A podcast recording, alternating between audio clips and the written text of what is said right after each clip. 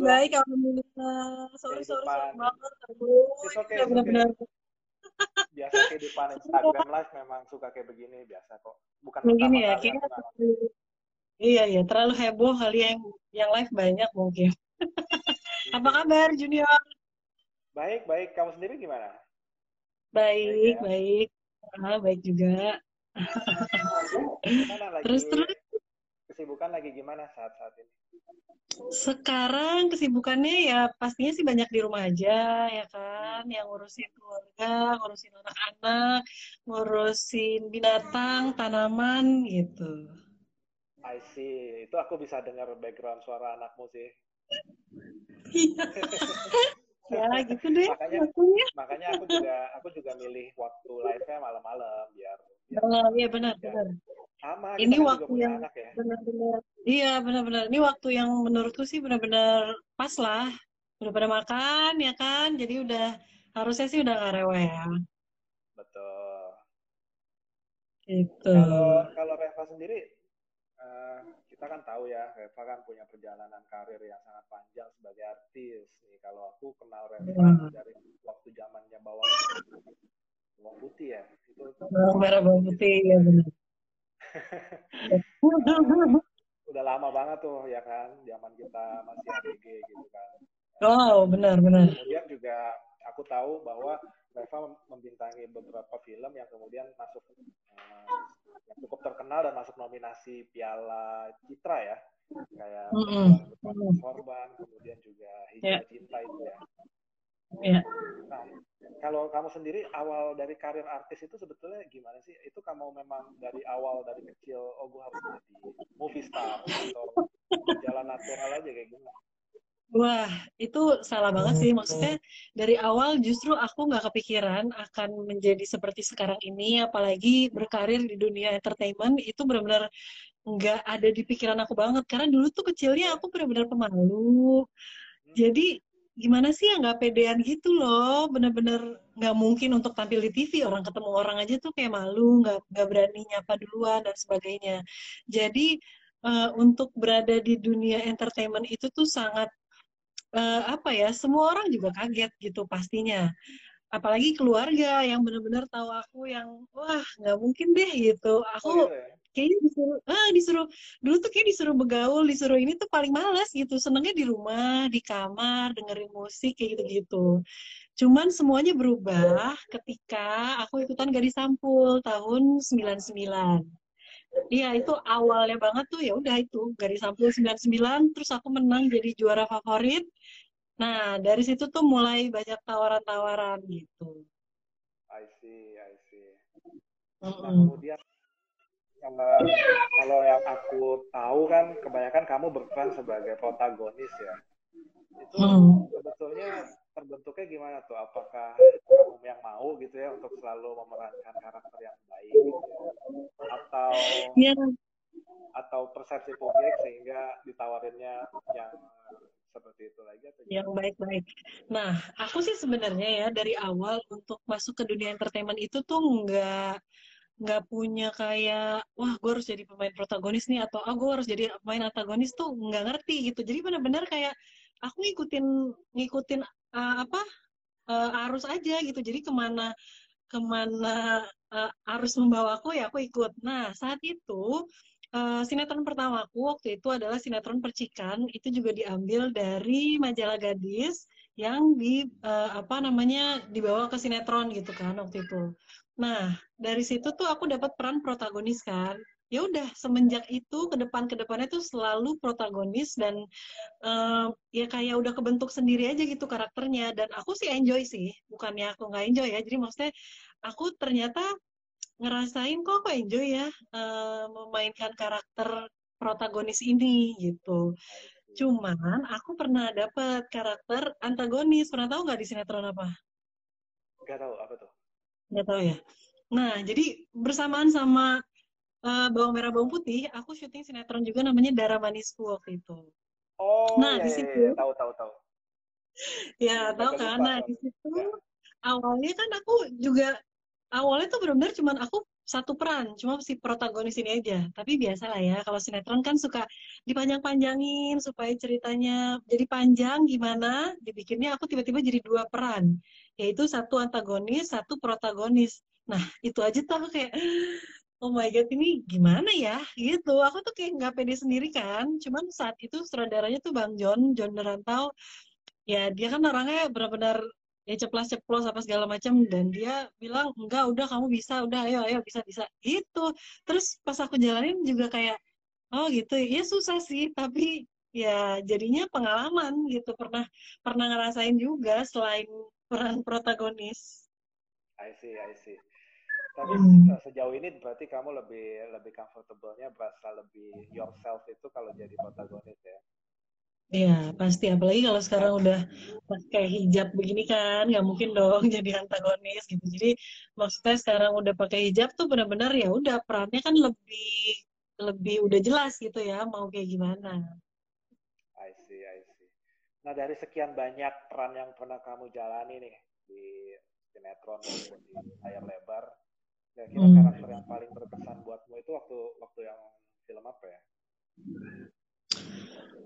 Uh, waduh, itu pertanyaan paling susah sih. Itu aku bingung ya mau jawab yang mana. Kayaknya semua sih berkesan. Ya kalau sinetron mungkin karena uh, apa namanya prosesnya kan panjang. Itu tuh benar-benar orang juga cepat lupa gitu ya. Maksudnya kalau kalau film kan kita benar-benar prosesnya juga uh, bikinnya cepat tapi prosesnya yang panjang jadi kita mesti reading dulu dan segala macam harus into karakter banget uh, ada satu satu karakter aku yang aku juga agak amazed gitu ya untuk uh, ngejalanin peran itu jadi tahu film Racobex nggak?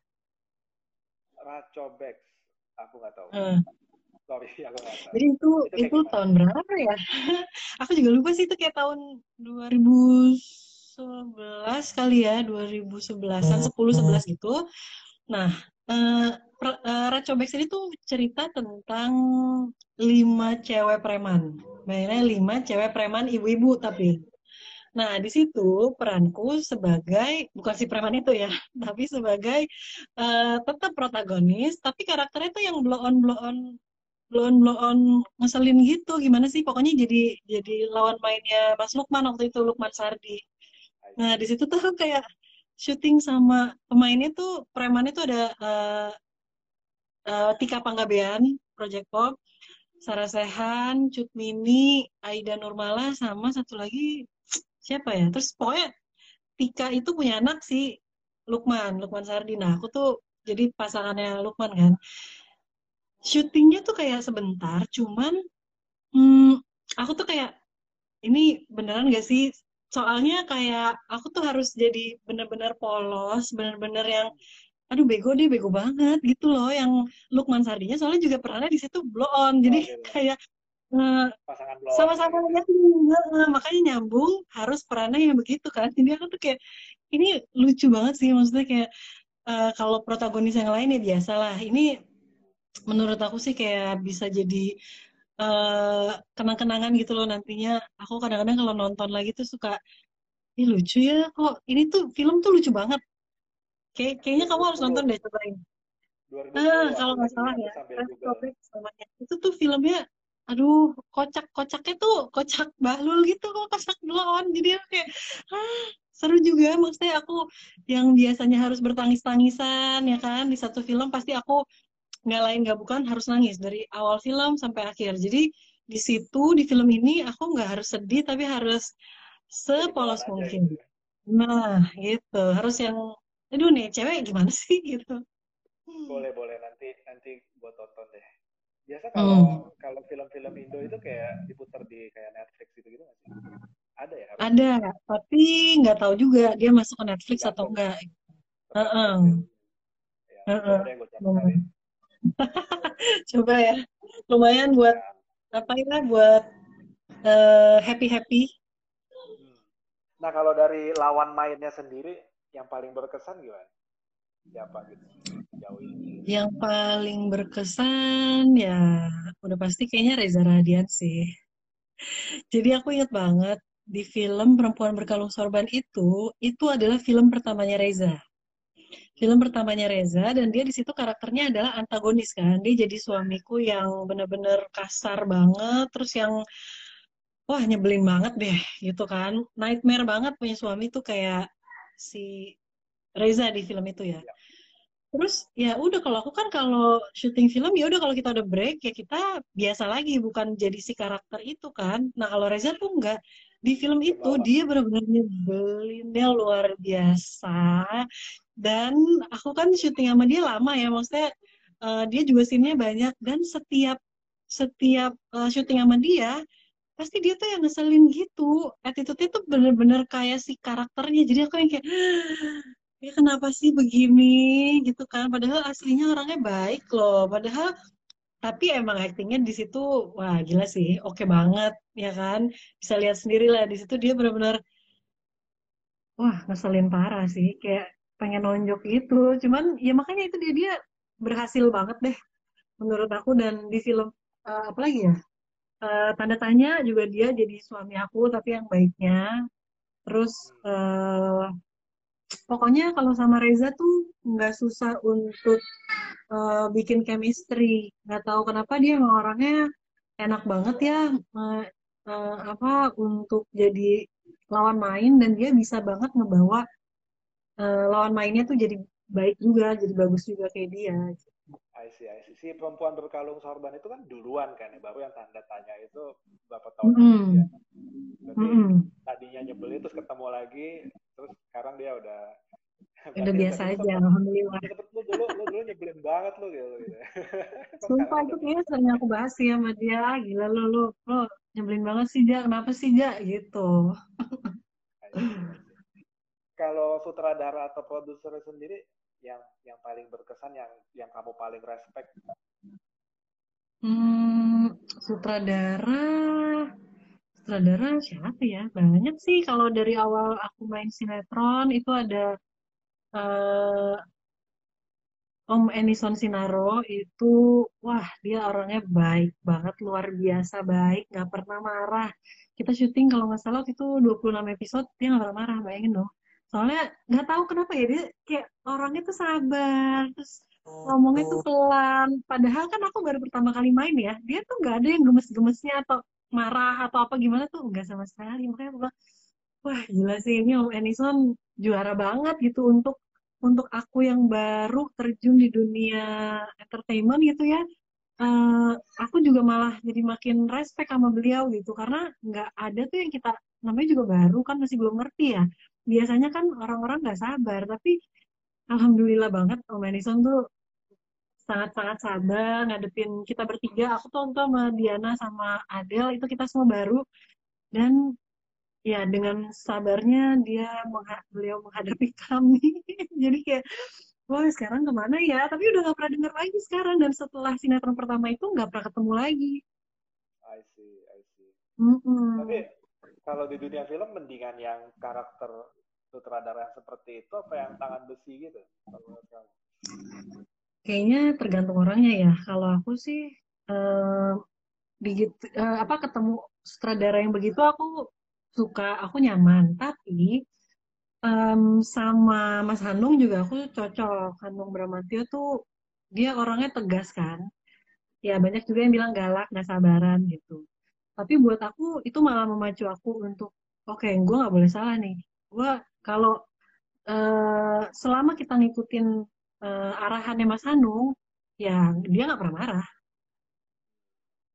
Itu jadi enaknya ya maksudnya ya banyak pilihan lah ya. Maksudnya mau mau yang gimana tapi kalau aku ya Mas Hanung juga aku cocok. Hmm. tadi kamu kan dua kali nominasi ya.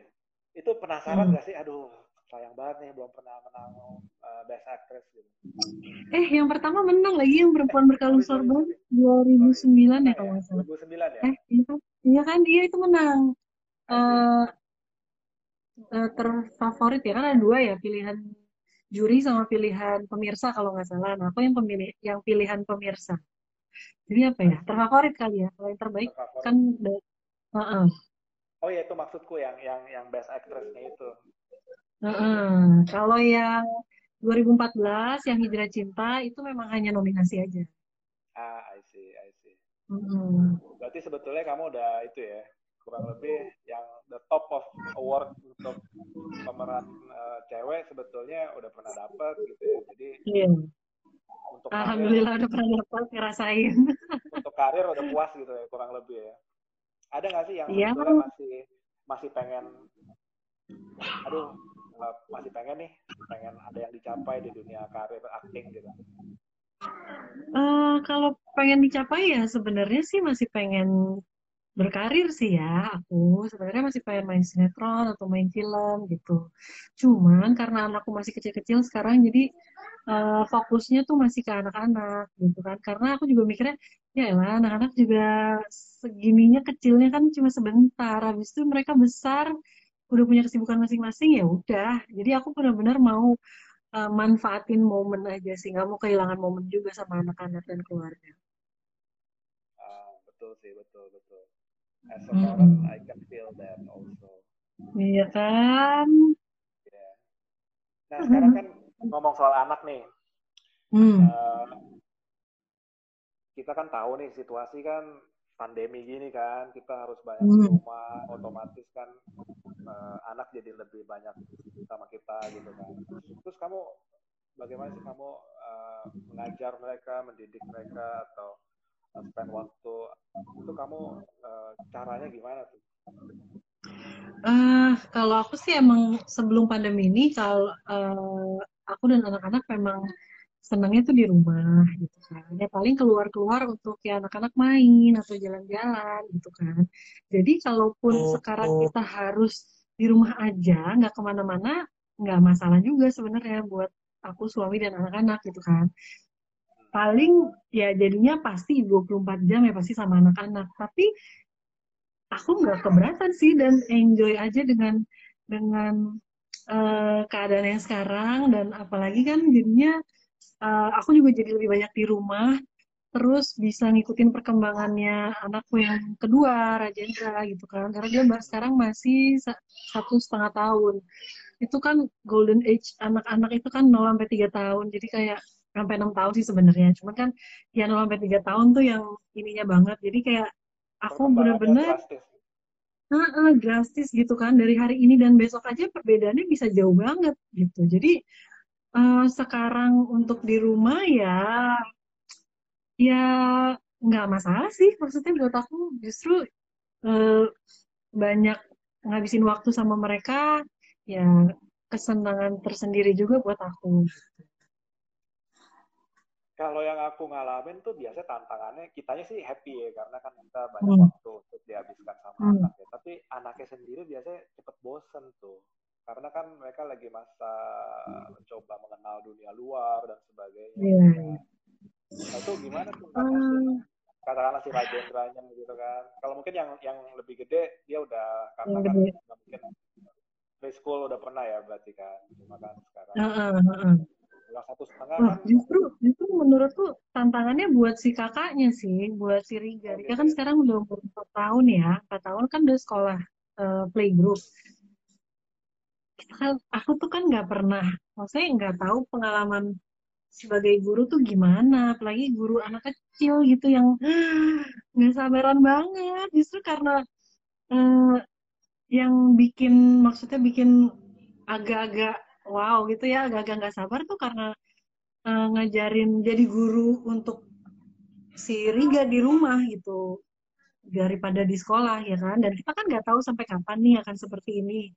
Jadi uh, kayaknya banyak ibu-ibu di luar sana juga yang wah apa uh, belajar di rumah lagi wah gimana segala macam.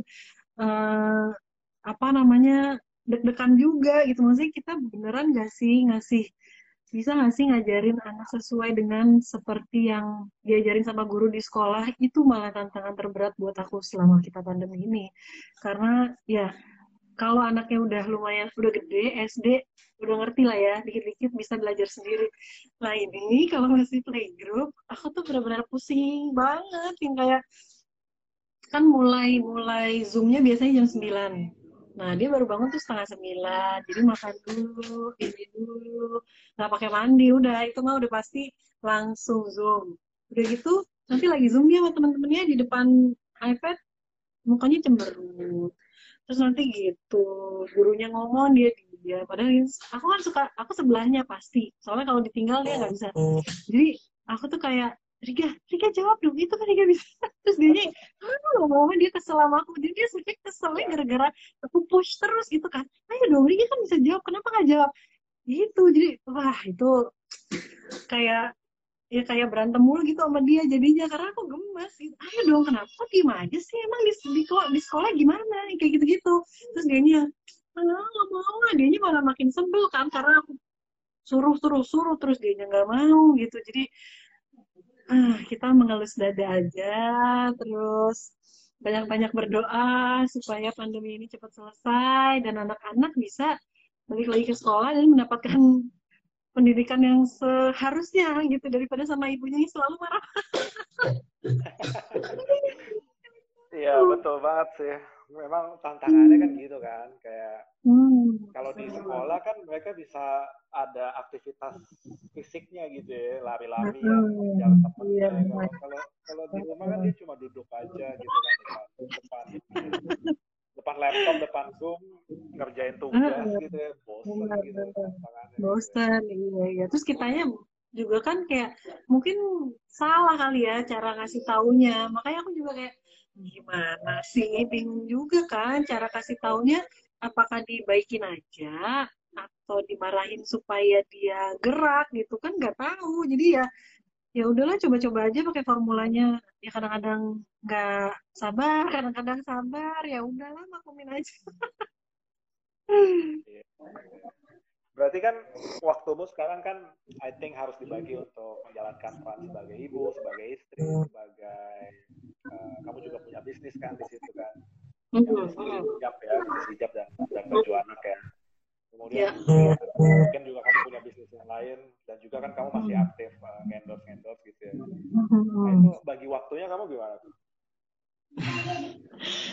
Aku aku sih bisa bilang aku juga sangat beruntung didukung oleh suami yang uh, ya mau nggak mau kan sekarang ada setiap saat dong gitu. Jadi bisa banget dimintain tolong untuk fotoin aku atau bikin video untuk uh, kerjaan aku dan untuk uh, partnerku juga dalam berbisnis gitu. Karena kan kalau suami aku tuh udah ya kayak udah sering lah bisnis bisnis gitu. Nah kalau aku kan baru nih bener-bener awam lah gitu ya dalam hal berbisnis. Jadi ya cocok gitu kalau suami aku udah udah uh, pernah ngelewatin gimana caranya berbisnis. Nah aku juga jadinya uh, ada pegangannya nih, nggak cuma aku sendiri doang gitu. Dan kebetulan memang kalau yang Tifos ini, yang bisnis baju anak-anak aku, Tifos itu tuh uh, aku berpartner dengan temennya suamiku gitu. Jadi ya udah, ya dia mau udah tau lah uh, karakternya temennya kayak gimana. Terus makanya kita juga mau um, mulai mikirin, oke okay, kita mau berbisnis nih gitu. Ini baju anak-anak ya cocok juga. Waktu itu aku mulai bisnis itu Riga baru umur 2 tahun deh kalau nggak salah. Jadi benar-benar uh, cocok, pas ya pasti dipakai gitu kan. Cuman ya um, apa ya maksudnya ya kendala-kendala sih juga masih ada aja gitu karena kita juga semuanya masih sama-sama belajar ya insya Allah pengennya sih juga ke depannya kan akan bisa lebih apa ya kitanya juga semua bisa lebih pinter profitnya lebih ada lebih banyak kayak gitu-gitu sih. Tapi kalau yang bisnis aku yang hijab yang uh, Revalina Story itu kita berpartner dengan ada orang Bandung gitu. Jadi dia juga orang baru aku juga gak kenal sama uh, dia awalnya.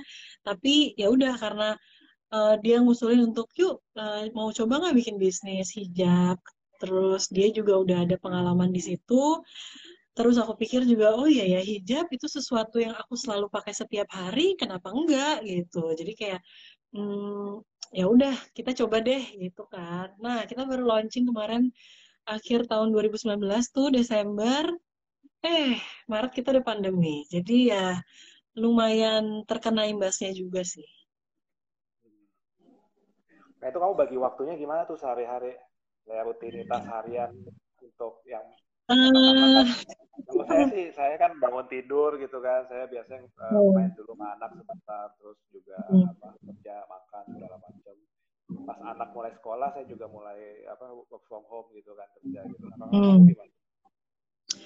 ya kalau aku sih bangun ya biasalah sarapan anak-anak sarapan ya kan? Ya pokoknya mulai bangun itu yang pasti udah pegang handphone karena semua ada di situ kan. Maksudnya kita sama partner dan segala macam pasti semuanya dari handphone gitu. Ya udah sambil uh, apa namanya nyuapin anak sambil ngajarin zoom sambil ini ya sambil kerja juga. Jadi ya mungkin kalau buat aku kerjanya malah kayak jadi nggak ada jamnya. Lebih kapan aja ya kan? Karena pokoknya dari bangun sampai tidur lagi ya kalau memang ada yang bisa dibahas kerja ya kerja gitu kan. Sambil masih foto-foto endorse apa segala macam itu semua di hari itu ya gitu. Pokoknya kalau anak-anak yang penting udah makan udah tuh lega kan? Oke.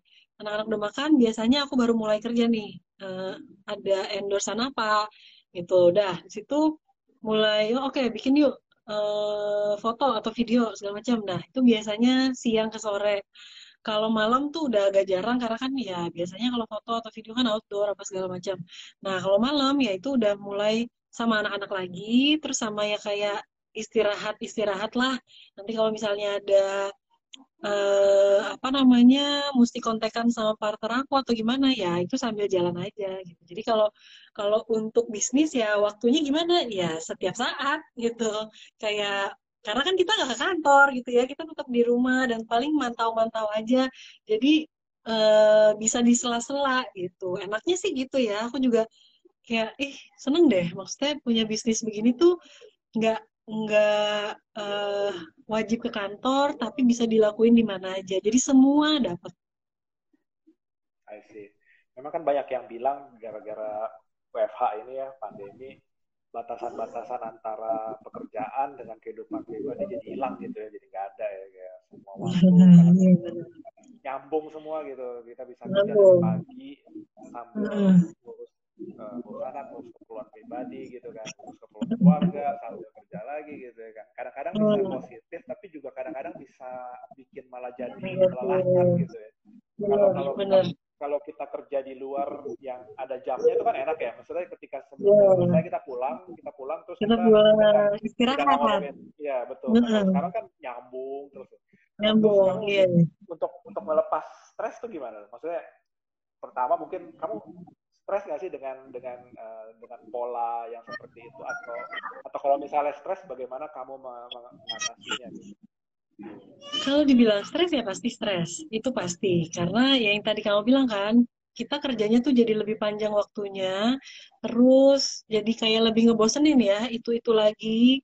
Uh, karena kegiatannya nggak banyak, cuma bisa dilakuin di, di dalam rumah, kita nggak bisa pergi keluar.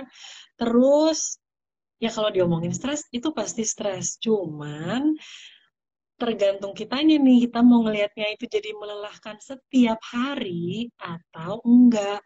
Nah kalau aku aku tuh mikirnya kayak ya udah kalau memang saatnya lagi waduh lagi capek banget nih lagi apa segala macam gitu gitu ya udah ya jalanin aja. Tapi nanti pas udah uh, apa namanya pas udah selesai misalnya istirahat atau anak-anak udah tidur wah itu tuh aku biasanya baru uh, me time biasanya me timeku setelah anak-anak tidur. Gitu. Dan itu jadinya ya nggak bisa ngapa-ngapain juga kan. Maksudnya paling main handphone main game nonton TV sama suami dan segala macam itu menurutku jadi me time yang sangat berharga banget. Gitu. Jadi benar-benar ya udahlah emang sekarang masalah gini kalau kita mau bawa jadi negatif terus ngapain ya nyapain-nyapain diri buang-buang energi sedangkan kita sedangkan uh, aku tuh punya dua anak yang harus dibimbing, dibikin hatinya juga supaya moodnya oke, okay, supaya bagus. Nah, kalau kita negatif terus kan tambah capek gitu. Itu aku sih mikirnya capeknya ber, berkali-kali lipat kalau dibawa ke negatif. Jadi aku sih seringnya tuh ya ngomongin aja diomongin alhamdulillah. Ya bersyukur aja jadinya lebih banyak bersyukur. Karena masih masih diberi kesehatan sampai sekarang gitu. Nggak harus yang di rumah sakit atau yang kita juga bukan dokter bukan perawat yang harus kerja setiap hari di rumah sakit nolongin korban uh, eh, COVID-19 kan. Untungnya maksudnya ya bukan gitu. Maksudnya kita juga berterima kasih sama mereka. Tapi ya itu jadi salah satu yang bikin aku juga semangat karena aku masih sehat. Kok masih di di rumah tuh semua masih bisa dilakuin sebenarnya. Jadi ngapain kita uh, apa namanya capek capek-capek mikirin yang gak jelas, maksudnya kayak nyalahin ini, nyalahin itu, nggak penting ya buat aku gitu loh. Jadi apalagi kalau ya nonton berita sesekali aja, kalau keseringan nanti jadinya uh, corona blues kayak temen aku. Jadi kayak nggak usah deh, nggak penting juga gitu kan sampai sampai bukan baby blues tapi corona blues ngapain gitu? Jadi ya udah sebenarnya memang pinter-pinternya kita aja untuk uh, melihat pandemi ini sebagai musibah atau berkah gitu. Tapi kalau memang mau mau happy happy terus mau selama pandemi ini kita juga tetap semangat ya menurut aku kita harus jadiin ini tuh sebagai berkah ya. Pasti ada hikmah di balik semua ini dan mudah-mudahan insya Allah setelah pandemi ini berakhir kita pasti jadi lebih menghargai waktu menghargai alam menghargai hmm, orang sekitar dan yang lain-lain gitu. Ini aku mulai coba bacain beberapa pertanyaan dari beberapa orang dulu ya. Oke, okay, siap. Ada pertanyaan nih, yang paling sulit yang mana nih? Mengurus keluarga, bisnis, apa aktif? Waduh, yang paling sulit ya? Jawabnya juga sulit tuh. uh, ngurusin keluarga, bisnis, apa artis? Oke. Okay. Menurutku bisnis. menurutku bisnis karena ini adalah bidang baru untuk aku ya gitu. Jadi ini benar-benar sesuatu yang baru banget yang aku tuh masih belum terlalu paham kalau di dalam bisnis itu gimana sih caranya supaya uh, orang bisa aware dengan produk kita supaya uh, apa namanya Eh, orang-orang uh, juga mau beli produk kita gimana sih produknya harus yang kayak gimana terus promosinya harus seperti apa marketingnya. Itu menurutku kayak wow banyak ya. Itu tuh kayak harus belajar lagi gitu loh. Kayak kita kuliah kan kuliah bisnis gitu. Nah itu mungkin lebih detail lagi. Nah ini menurut aku salah satu hal yang lumayan sulit lah gitu. Nah, soal bisnismu nih ada yang nanya beberapa orang nih kamu produknya hmm. akan dijual di Malaysia gak? Sepertinya kamu punya banyak fanbase di Malaysia. Iya, uh, halo Malaysia. Aku juga inget banget dulu zamannya ya semua sih berkah dari sinetron bawang merah bawang putih ya di sana tuh booming banget waktu itu dan aku pernah jumpa fans di sana waktu itu tahun 2005 apa 2006 gitu wah gila sih itu heboh banget terus yang datang banyak banget dan aku juga nggak nyangka ya kok bisa gitu. Maksudnya peran si bawang putih ini bisa menca memikat uh, warga Malaysia gitu. Nah pengennya nanti uh, bisnis bisnisku juga bisa dijual uh, di sana. Jadi mohon doanya aja mudah-mudahan um, mudah-mudahan bisa bisa uh, sampai ke sana. Tapi ya so far sih kalau misalnya mau beli di uh, lewat admin gitu, setauku sih bisa sih, bisa kita kirim ke Malaysia. Tuh yang mau beli dari Malaysia silahkan kontak. Uh, uh, kontak adminnya aja ya, admin Ravalina Story atau Tivos. Ya, ya. Terus ada yang nanya lagi nih, apa kamu nggak ngambil guru privat untuk anak? Supaya meringankan saat belajar di rumah?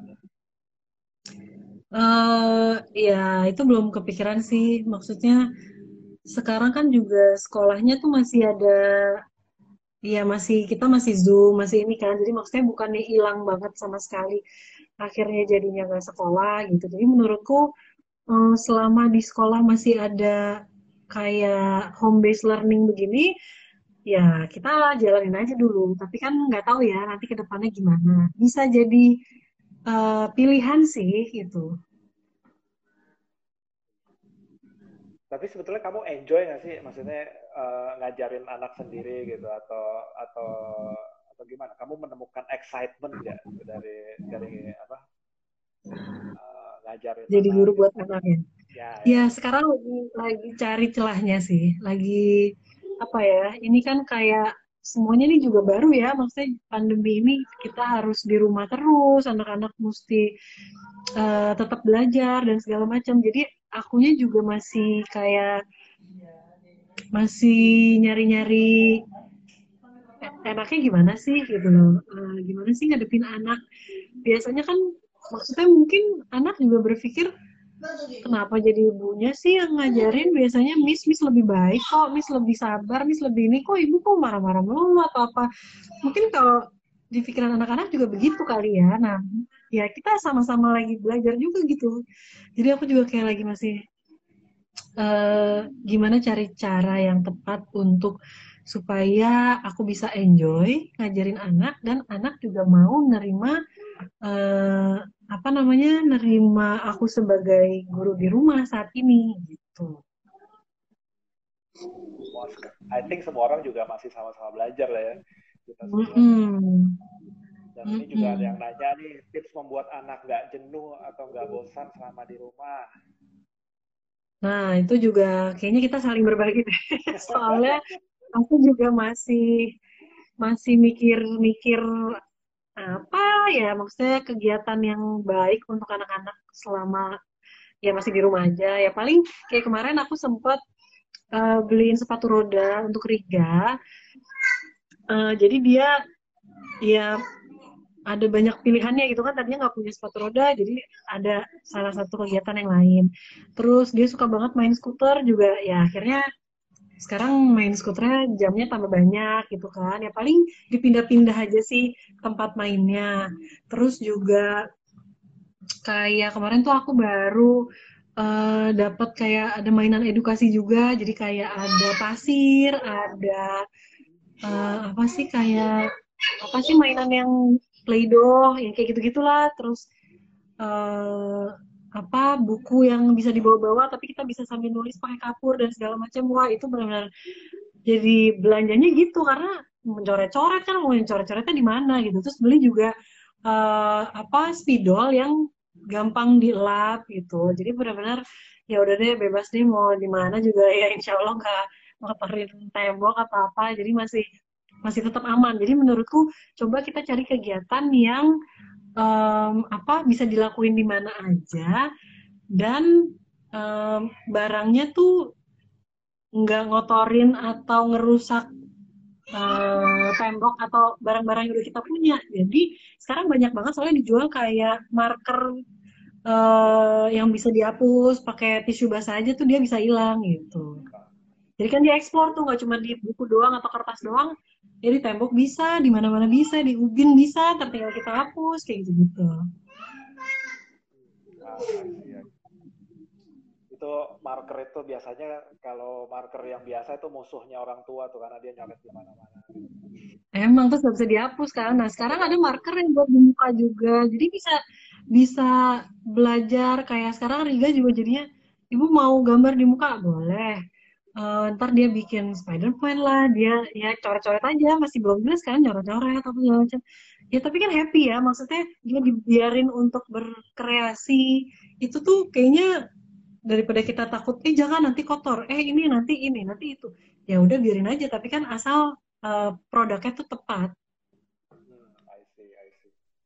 Nah, kamu itu nggak sih? Nabung atau invest gitu katakanlah untuk pendidikan anak atau untuk untuk hari tua dan sebagainya gitu kesehatan. Nabung dan investasi juga ya apalagi sekarang udah punya anak ya. Pokoknya uh, itu dimulainya mungkin aku malah telat kali ya dari baru punya anak satu.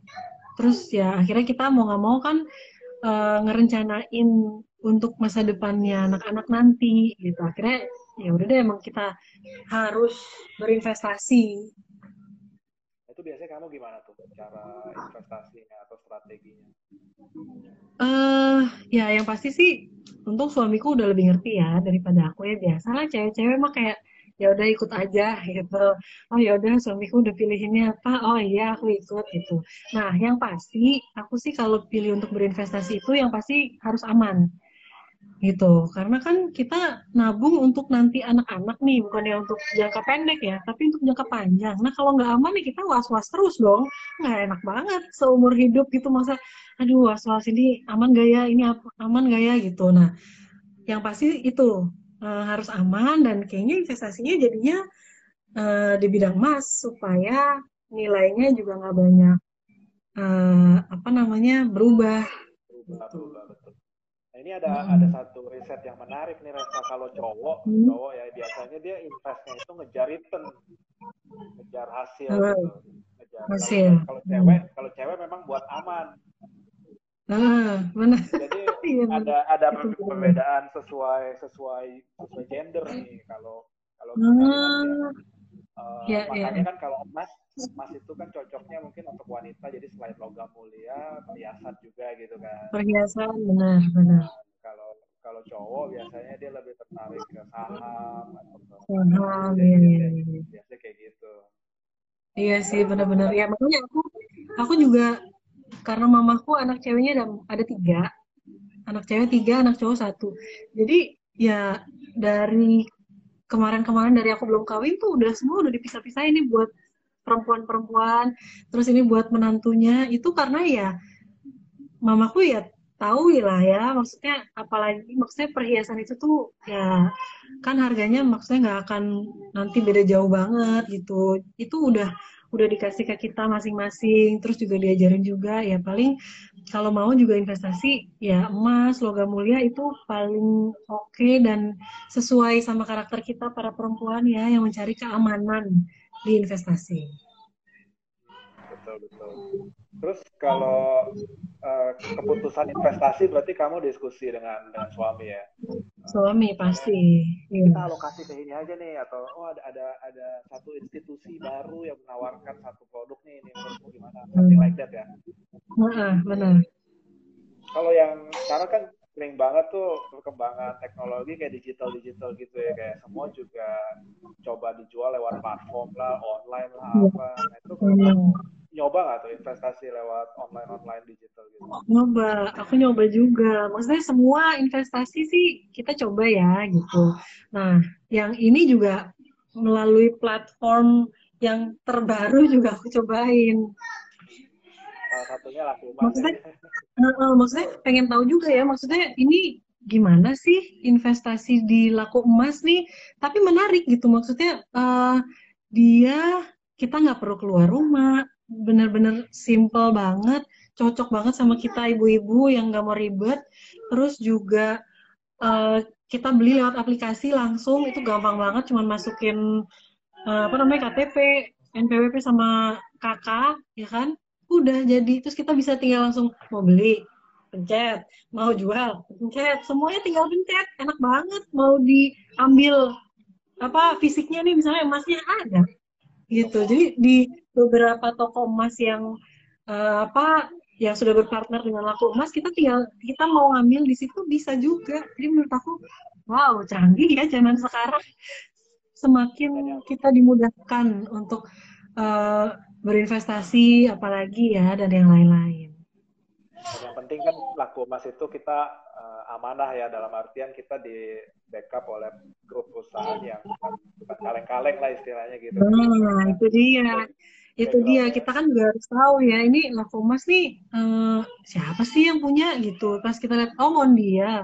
Oh oke okay, Franco. Oh gitu. Ya udah pasti tahu lah ya di mall banyak banget gitu tokonya. Jadi makin yakin gitu. Kalau misalnya nggak ada eh, nggak uh, di grup itu mungkin kita masih mikir-mikir juga ya ini aman gak sih? Gitu. Terpercaya nggak ya? Gitu. nah kalau ini ada yang nanya lagi nih.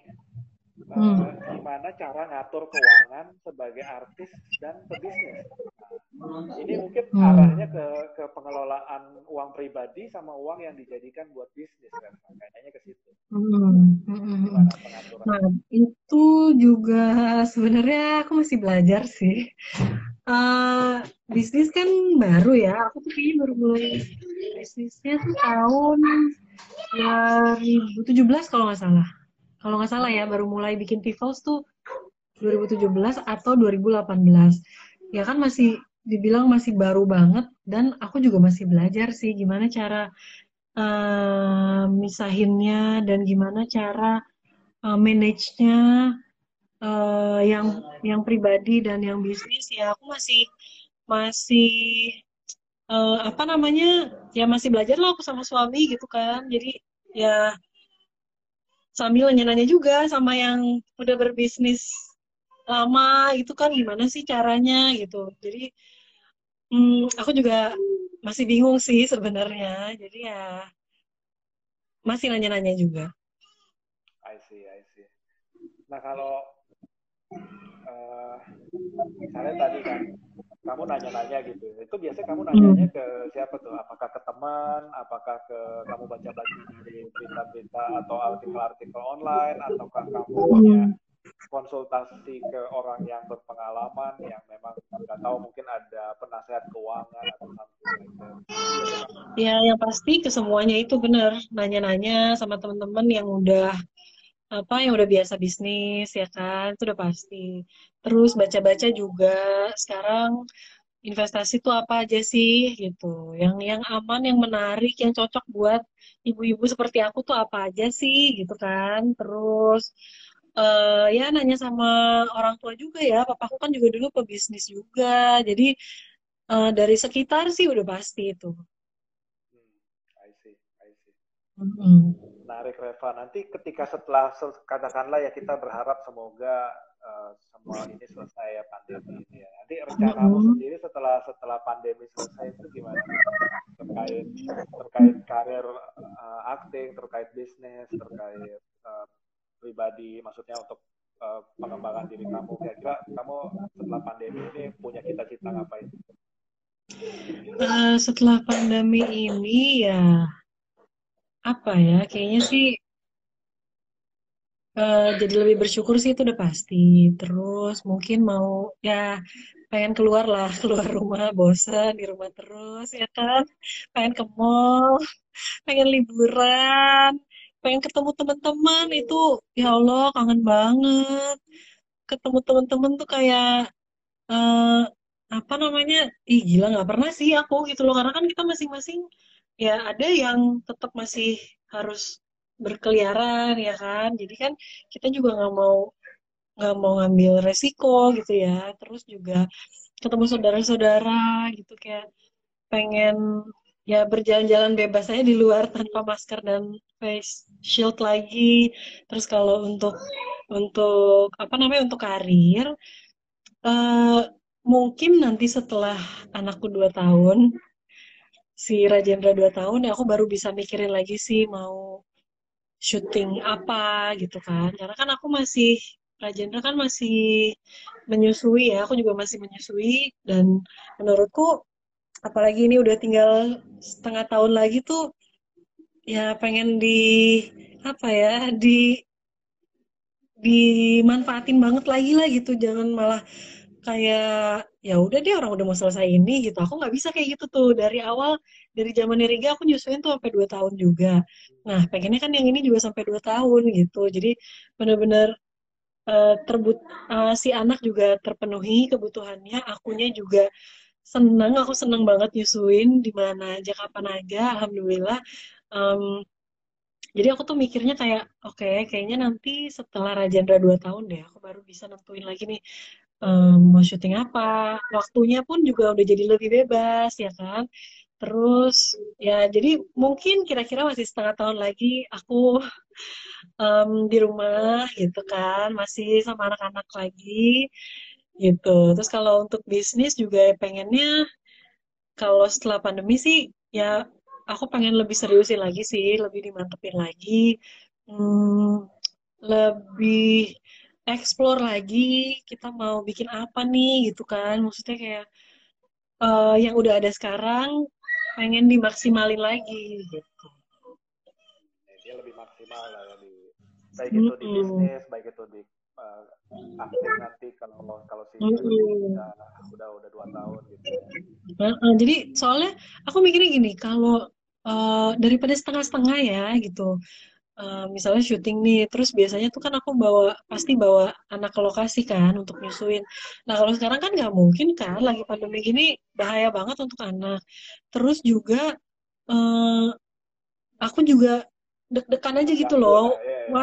Nanti aku nanti pulang ketemu anak-anak akunya gimana oke nggak ya gitu. Mungkin dari akunya oke tapi kan kita nggak tahu dari orang-orang sekitar ya. Mungkin ada yang bandel lagi sakit atau apa tetap kerja atau apa segala macam kita nggak bisa kontrol orang lain. Gitu. Jadi menurutku ya udah berikan aku yang kontrol diri sendiri aja. Oke aku uh, kemarin juga sempat galau sih. Jadi sempat ada yang nawarin syuting film nih untuk bulan November ini. Aku dari baca sinopsisnya tuh aku udah lumayan tertarik. Drama biasalah drama. Oke, terus uh, sempet aku ada omongan kayak, ya deh, coba deh, mau deh, gitu. Ke kakakku nih, kakakku kan manajerku.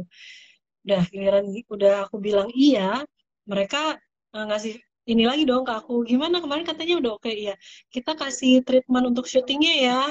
Nanti kira-kira begini, gini, gini, gini. Oke, pas udah dikirimin, terus aku malah kayak bimbang gitu, aku malah bingung. Uh, ambil nggak ya? Gitu padahal awalnya tuh kayak yakin ya coba deh November juga kan eh, ke Januari kan bentar lagi nggak apa-apa deh kayaknya gitu. Terus ntar gimana? Paling di lokasi pompa aja asinya gitu kan. Terus tiba-tiba ah enggak deh. Ih sayang banget udah tinggal dikit lagi nih perjalanan menyusui tinggal setengah tahun lagi mas. Bukan iya jadi wah gila. Bener-bener sih itu perang batin banget. Kalau nanya sama suami kan suami pasti boleh ambil aja. Suamiku tuh kan gitu kan. Maksudnya ya kalau kamu happy ya kamu jalanin gitu. Jangan sampai terbebani karena anak karena keluarga. Uh, iya sih tapi kan kita perempuan apalagi ibu-ibu nggak bisa banget tuh kayak oke okay, oke okay, main syuting aja. Wah nggak bisa. Ntar anak gue gimana ya? Ntar yang jagain bisa nggak ya? Kan gitu ya. Maksudnya pikirannya tuh banyak banget dan panjang. Sampai akhirnya aku mikir oke okay, kayaknya aku belum bisa sih syuting tahun ini. Mungkin tahun depan dan mungkin semoga aja tahun depan juga pandemi ini udah berakhir. Jadi lebih lebih lega ninggalin anak tuh nggak nggak was was gitu. Karena kalau masih pandemi juga kan ya ya nggak bisa juga gitu. Oke Reva, kita udah hampir sejam nih, nggak terasa ngobrol-ngobrol ya. Nah, wow, iya. ada ada satu pesan pesan terakhir buat teman-teman yang nonton, mungkin untuk stay hmm. safe, stay calm di masa pandemi ini, termasuk atau iya. apa pun yang mau sampaikan ke mereka. Uh, ya pesanku selama pandemi ini mudah-mudahan kita bisa tetap selalu sehat dan harus tetap happy, harus tetap waras sebagai orang tua, karena kita punya anak-anak yang harus kita bikin happy juga. Kalau anak gak happy, ya gimana orang tuanya gitu kan. Jadi kita sebagai orang tua juga harus happy dulu, harus happy dulu dan kita um, apa ya dirubah mindsetnya. Mungkin kalau awal-awal nih kita kan kayak masih bingung ya, masih belum bisa nerima, aduh pandemi ini sampai kapan, gimana kerjaan gue, apa segala macam.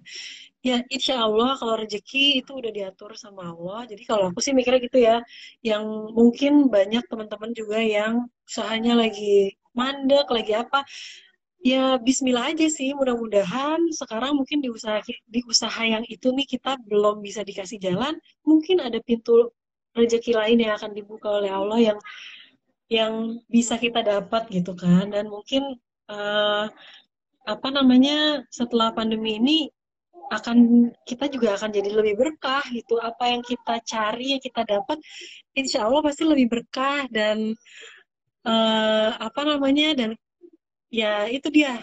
Kita harus tetap positive thinking uh, harus ngelihat pandemi ini sebagai berkah di depan nanti dan mudah-mudahan ya um, apa namanya aku juga mau berterima kasih sama tim dokter dan suster dan semua yang sudah membantu uh, di garda terdepan uh, virus COVID-19 ini.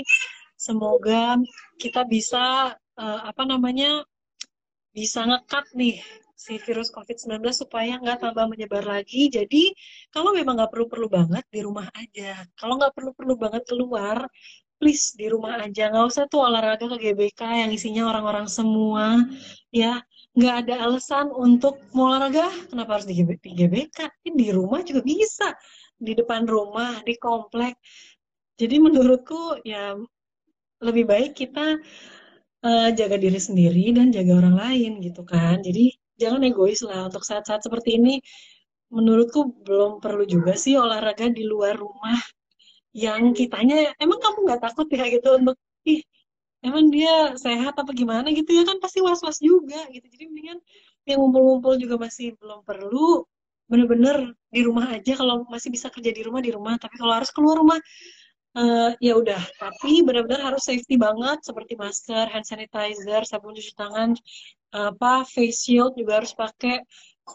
Dan cuci tangan terus jangan sampai enggak uh, mudah-mudahan kita selalu sehat selalu kuat menjalani pandemi ini. Amin amin. Oke okay, thank you banget Reva atas waktunya ya. Sama-sama thank you juga ya. All udah ngajakin all the best selalu. thank you. dan, ya sukses juga junior Ya. Bye bye. Thank you. Bye bye. Makasih ya yang udah nonton. Maaf kalau nggak bisa dijawab pertanyaannya, tapi aku bacain kok di situ komen-komennya. Thank you ya. Assalamualaikum warahmatullahi wabarakatuh.